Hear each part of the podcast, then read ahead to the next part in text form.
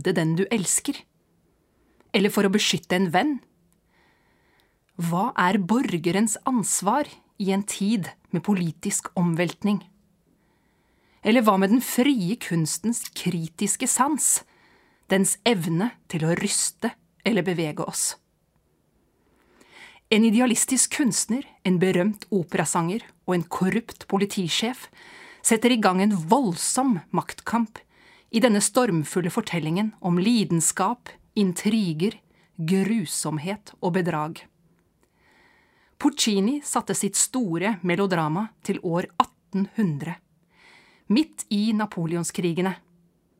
Men konfliktene mellom kjærlighet og lojalitet, staten og individet, og hykleri og prinsipp er alt annet enn utdatert. Hjertelig velkommen til introduksjon til Tosca. Mitt navn er Ragnhild Kristina Motsfeldt. Jeg er operasanger og sangfaglig formidlingskonsulent ved Den Norske Opera og Ballett. Floria Tosca, den vakre, glamorøse operasangerinnen som har hele Roma for sine føtter, er en av de mest ikoniske sopranrollene i det italienske repertoaret.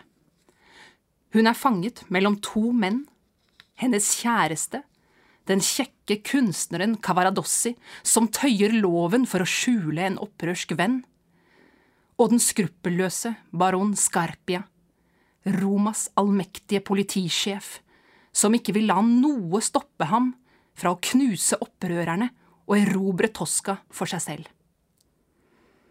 Denne gripende historien om tortur, forsøk på voldtekt, drap, selvmord og generelt kaos er noe av det mest dramatiske operarepertoaret har å by på.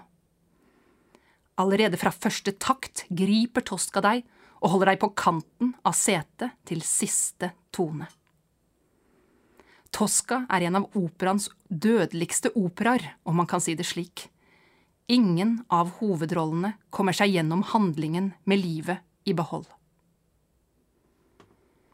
Tosca er mye mer et psykologisk persondrama enn et historisk drama. Selv om den går under kategorien historisk fiksjon, i og med at den tar for seg sanne politiske og historiske hendelser. I hele Europa rådde politisk uro og sosial omveltning. Ideene om demokrati, frihet og reform var på frammarsj. Historien finner som sagt sted i Roma i år 1800, altså kun et år etter den franske revolusjonen. Byen gir et fascinerende glimt av sine mange paradokser. Religion var allestedsnærværende. Vold og intoleranse brøt ut på grunn av politisk uro. Sauene beitet fortsatt i Farum Romanum, og blodet rant fra bøddelens stillas som sto midt på Piazza del Popolo. Etter den franske revolusjonen invaderte Napoleon Italia i 1796 og opprettet Den romerske republikk. Da franskmennene trakk seg ut av Roma i 1799, okkuperte det korrupte kongedømmet Napoli byen, og Roma var på randen av borgerkrig av den opphetede konflikten mellom republikanere og rojalister. I år 1800 førte igjen Napoleon sin hær over Alpene. Og 14. juni 1800 sto slaget ved Marengo, sør for Torino, mellom Napoleon og hæren til det østerriksk-habsburgske riket. Den østerrikske habsburgske hæren så først ut til å vinne slaget, og sendte raskt et sendebud til Roma om seieren. Det var i raskeste laget, for Napoleon han hadde rukket å tilbakekalle en styrke som han hadde sendt sørover, så etter en tolv timers lang kamp måtte østerrikerne gi seg og forlate Italia. Dermed ble det sendt et nytt sendebud til Roma. Og operaen foregår nettopp denne ettermiddagen, kvelden og tidlig morgen mellom 17. og 18. juni 1800, da nyhetene om slaget ved Marengo nådde Roma. Giacomo Antonio Domenico Michele Secondo Maria Puccini ble født i Lucca i 1858, og han døde i Brussel i 1924. Han var en italiensk komponist som ble kalt den største italienske operakomponisten etter Verdi. Puccini hadde komponert fire operaer før han ga seg i kast med Tosca i 1895. Hans to første operaer, Le Villi og Edgar, ble ikke spesielt godt mottatt. Mens Manon Lescaut gjorde han både kjent og rik. Og med La Bohème ble han virkelig berømt.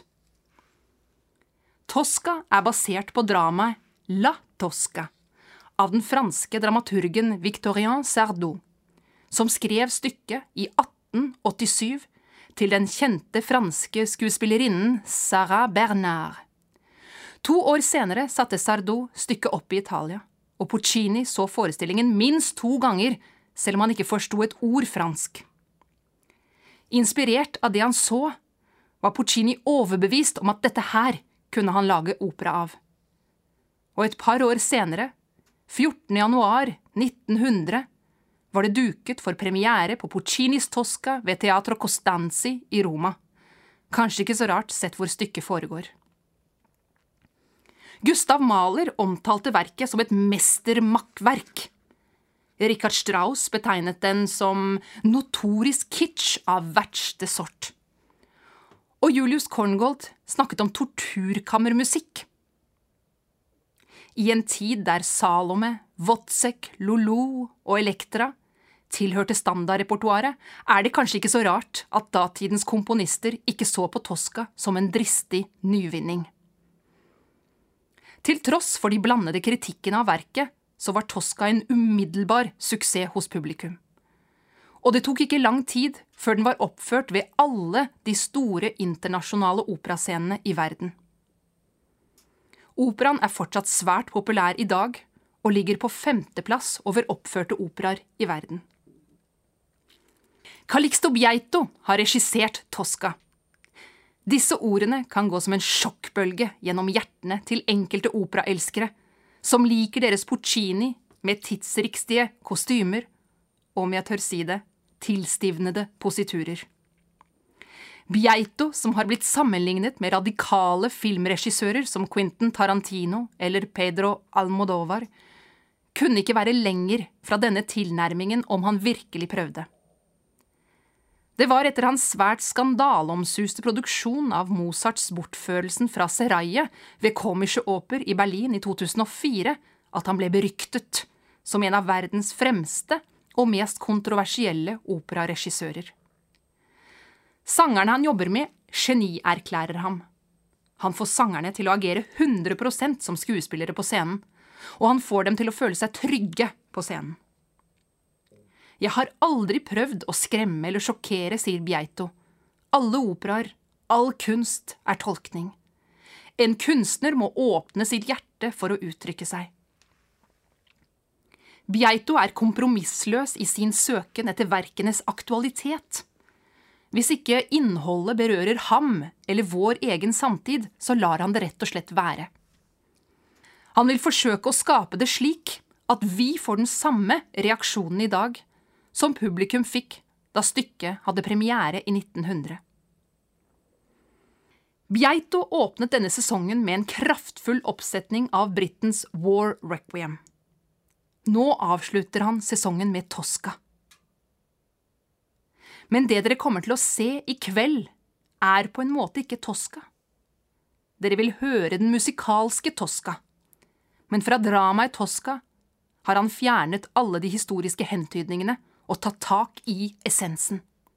Det psykologiske dramaet mellom de tre hovedkarakterene. Han vil fjerne postkortversjonen av Tosca. Selv gråt han da han og hans bror satt hjemme på gutterommet og hørte på Tosca på kassett. Men han kunne ikke annet enn å le da han så operaens finale for første gang for han klarte bare å tenke på historien om da scenearbeiderne ved en feiltagelse byttet ut madrassen bak scenen med en trampoline, slik at da Tosca kastet seg ut i døden fra Castel Sant'Angelo, så kom hun opp igjen to til tre ganger. Heldigvis lever ikke operaen Tosca først og fremst som et historisk dokument. Selv om musikken er nært knyttet opp til handlingen, er den sterk nok til å bære sceniske endringer. Fortellingen om lidenskapelig vold i den evige stad er gyldig andre steder og til andre tider. Bieito tar oss i kveld med inn i et dystopisk samfunn. Altså det motsatte av et utopisk samfunn. Et ikke-ønskelig og skremmende samfunn. Et dystopi karakteriseres ofte av dehumanisering og et totalitært styre. Samfunn som er satiriske vrengebilder av samtiden, eller advarsler mot samfunnsmessige utviklinger i egen samtid. Som for eksempel 1984 av George Orwell. Jeg tror Bieito ønsker å advare oss mot et framtidig resultat av tendensene vi ser i dagens samfunn. Vi står i fare for å bli dumme ved å bare presentere oss for ting vi vet at vi liker. Vi må tåle å bli rusket i, tåle å bli provosert.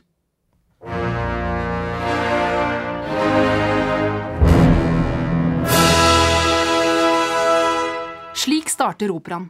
Fem skumle akkorder, ingen overtyre rett på sak, inn i den dramatiske musikken. Dette er Scarpias motiv. I Tosca benytter Porcini seg av musikalske motiv for de ulike hovedpersonene. Det er mer som en slags kjenningsmelodi. Som haiens musikk i Spielbergs Haisommer. Taktarten endres tre ganger på under tre minutter i starten av operaen. Og det er jo ingenting rundt oss som skjer til en regelmessig fastlagt rytme.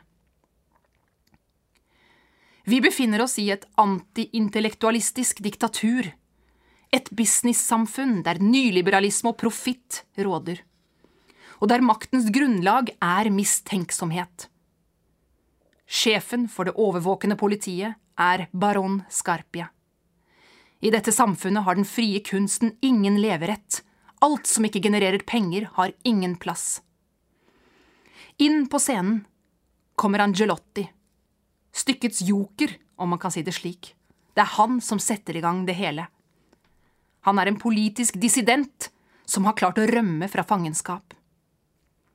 I de opprinnelige sceneanvisningene står det at han kommer inn i en kirke. Tosca er Puccinis første opera i rendyrket verismo-stil. En italiensk variant av naturalismen der temaet ikke lenger var mytologiske figurer eller konger og dronninger, men vanlige menn og kvinner og deres problemer gjerne av seksuell, romantisk eller voldelig natur. Et annet stiltrekk var også at alt skulle være helt sant beskrevet, av det italienske ordet vero, som betyr sant. Så sceneanvisningene i Tosca er svært detaljerte, og alle stedene og hendelsene som omtales, er sanne. Men Beitos Tosca er ikke veristisk. Så Angelotti, den rømte fangen, befinner seg i et surrealistisk rom. En kunstens sfære. Det kan være en okkupert bygning, et atelier, der den frie kunstnergruppen som Angelotti også er en del av, med Cavaradossi og Tosca i spissen, det er her de holder til. De lever for kunsten, for skjønnheten og for kjærligheten. De er samfunnets utstøtte, nederst på rangstigen. Rommet er tomt, og Angelotti gjemmer seg idet kirketjeneren, eller sakristanen, som karakteren heter, kommer inn drassende på alt han eier og har. I Bjeitos Tosca er han en hjemløs som en gang har vært en del av det økonomiske samfunnet, men som ikke har greid å holde tritt med presset. Han har falt utenfor og blitt gal, og har søkt tilflukt hos kunstnerne, men er ikke helt sikker på hvem han holder med. Kunstneren Mario Cavaradossi han kaster inn på scenen sine levende modeller til sin nye kunstinstallasjon, der Jomfru Maria er hovedfokuset. Han er tydelig frustrert, men hyller kunstens frihet og dens mulighet til å gjøre valgene den ønsker. Sakristanen er mistenksom til den kritisk-tenkende kunstneren, men hjelper han i hans arbeid. Angelotti lister seg frem fra sitt hjemmested og ber Cavaradossi om å holde ham skjult, ettersom han er en etterlyst mann. Angelotti og Cavaradossi er gamle venner, så Cavaradossi vil gjerne hjelpe.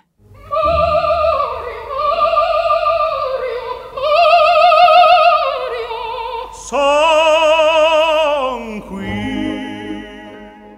Slik roper Tosca på sin kjæreste idet hun entrer scenen. Og det er vel akkurat slik vi forestiller oss at en operasanger roper på sin kjære. Tosca har kommet for å avtale å møte sin kjære senere på kvelden etter at hun er ferdig med konserten sin. På under et minutt avsløres Toscas kardinalfeil. Hennes ukontrollerte sjalusi. Hvem snakket du til? Du hvisket til noen. Hvem er hun? Hvor er hun? Mario greier å roe henne ned og lover å møte henne senere på kvelden. Etter at Tosca har dratt, tilbyr Cavaradossi Angelotti å gjemme seg i hans villa, og sammen drar de dit. Tosca er en soprans drømmerolle. Den har på en måte alt. Fantastisk vakker musikk, en sterk karakter. Hun er dramatisk, kjærlig og ærlig. Og det er ikke ofte at sopraner får forbanne noen på scenen. Samtidig er det en svært utfordrende rolle. Det er et helt annet musikalt språk enn i mange andre operaer.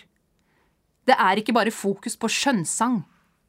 Ordenes betydning er viktigere enn velklangen, og det veksler hurtig mellom veldig høye toner og veldig lave toner, og også en del høye skrik. Det er ikke en veristisk opera om du ikke hører et skrik, lærte jeg på Musikkonservatoriet i Venezia.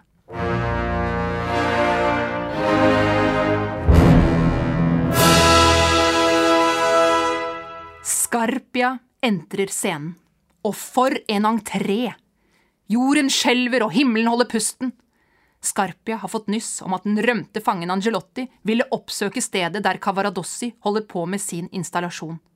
Men den eneste han finner der, er sakristanen, som han forhører.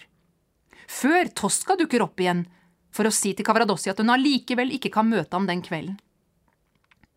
Scarpia er stykkets bad guy med stor B i denne oppsetningen.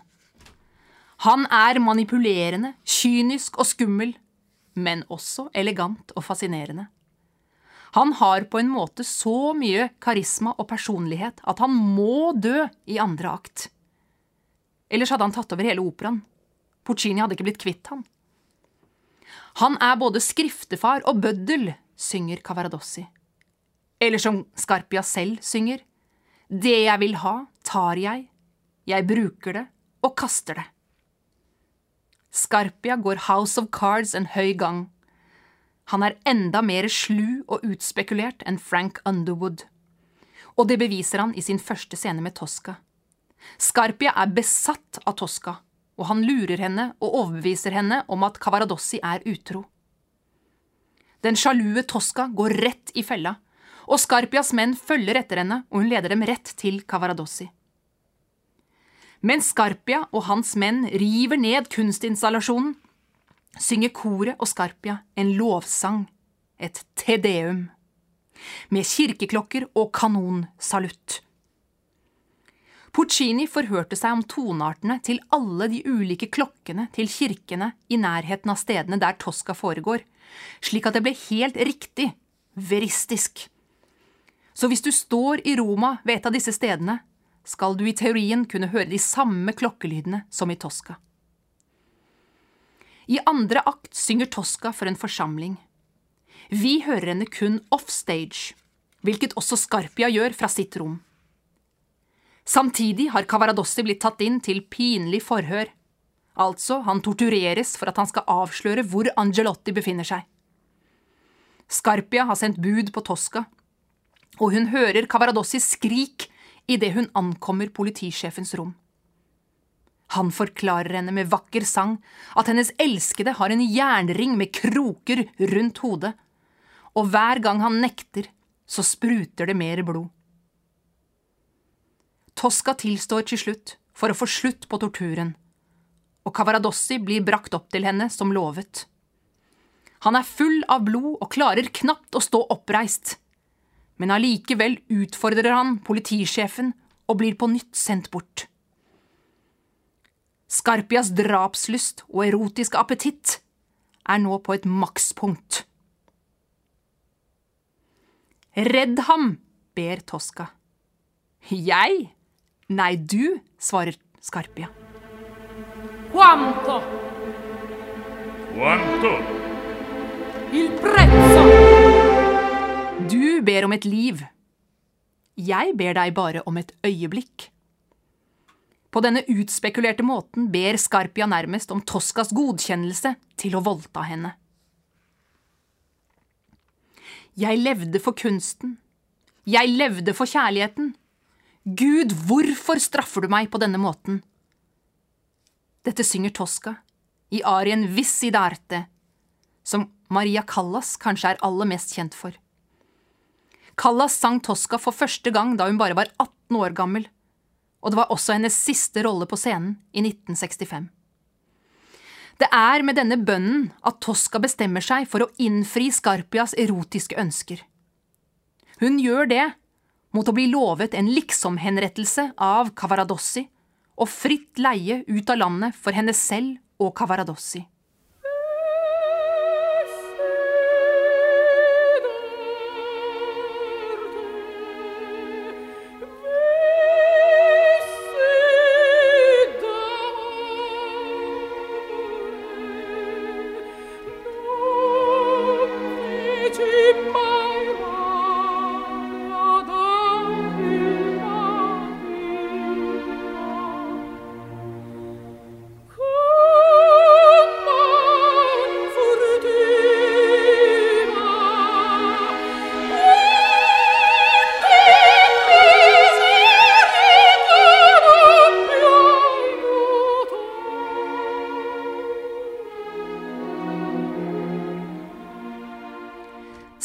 Scarpia har nå så lyst på Tosca at han lar henne ta overhånd i elskovsscenen.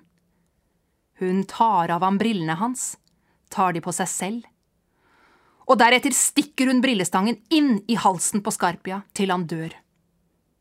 Tosca har vunnet, tror hun. For første gang som jeg vet om, så blir vi i Bjeitos versjon introdusert til Scarpias kone. Hun er nærmest til stede i hele andre akt. Hun er som en tause Birgitte, en trophy wife. Det at hun står og smiler i bakgrunnen, mens mannen hennes torturerer og voldtar, gjør Scarpia til en enda mer usmakelig person. I begynnelsen av tredje akt blir vi også introdusert til Scarpias sønn, som synger gjeterguttens sang med en kjærlighet på pinne i hånden. Før henrettelsen ber Cavaradossi om å få skrive noen ord til Tosca. Og det er da han synger den tåredryppende kjærlighetsarien Elucevan le stelle, som er en av de mest kjente operaariene sammen med Nessun Dorma.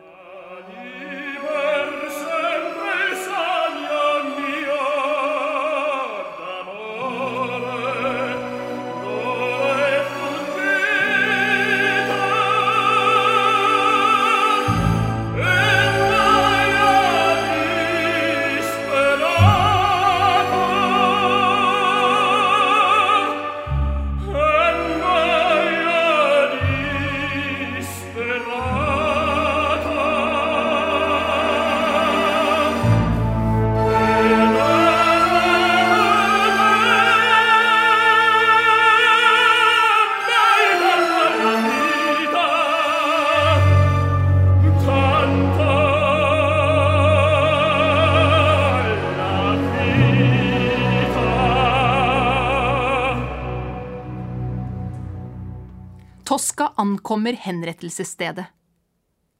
Og hun instruerer Cavaradossi om hvordan han skal falle naturlig når kruttskuddene blir avfyrt. Han må gjøre akkurat slik som hun gjør det på scenen. Og deretter så må han ligge stille helt til soldatene har gått sin vei. Men skuddene er skarpe. Scarpia har igjen lurt Tosca. Presto su, Mario, su presto andiam, su, su, Mario, Mario! Men Bjeito, han velger å ikke la det forelskede paret dø. Han gjør noe enda verre. Han lar dem leve videre, totalt ødelagte, uten selvfølelse, uten rettigheter, uten noe å leve for. Å bli til ingenting er som å være død, forklarer Calixto. Your silence will not protect you. Bjeito både starter og avslutter operaen med dette utsagnet. Bjeito vil stille oss alle ansvarlig. Ansvarlig for å stå opp mot overmakt. Det er en tendens i dagens samfunn å tenke mer på seg selv enn på fellesskapet. Og i dagens informasjonsflyt kan vi selv velge å ta til oss den informasjonen som passer oss best. Verdier vi tidligere har tatt for gitt, er plutselig oppe til diskusjon igjen. We are living the moment of Scarpia. Over 200 år etter Toscas historie er verden på nytt preget av fundamentalistiske filosofier, religiøs intoleranse og politisk tyranni. Tosca står derfor som et ledende lys, et lidenskapelig verk for ytringsfrihet, tanke og kunstnerisk frihet. I ethvert land som verdsetter sine politiske friheter, minner Tosca oss om hva vi har å miste. Og den forferdelige prisen i menneskelig lidelse hvis vi slutter å verdsette det vi virkelig tror på. God fornøyelse. Amen.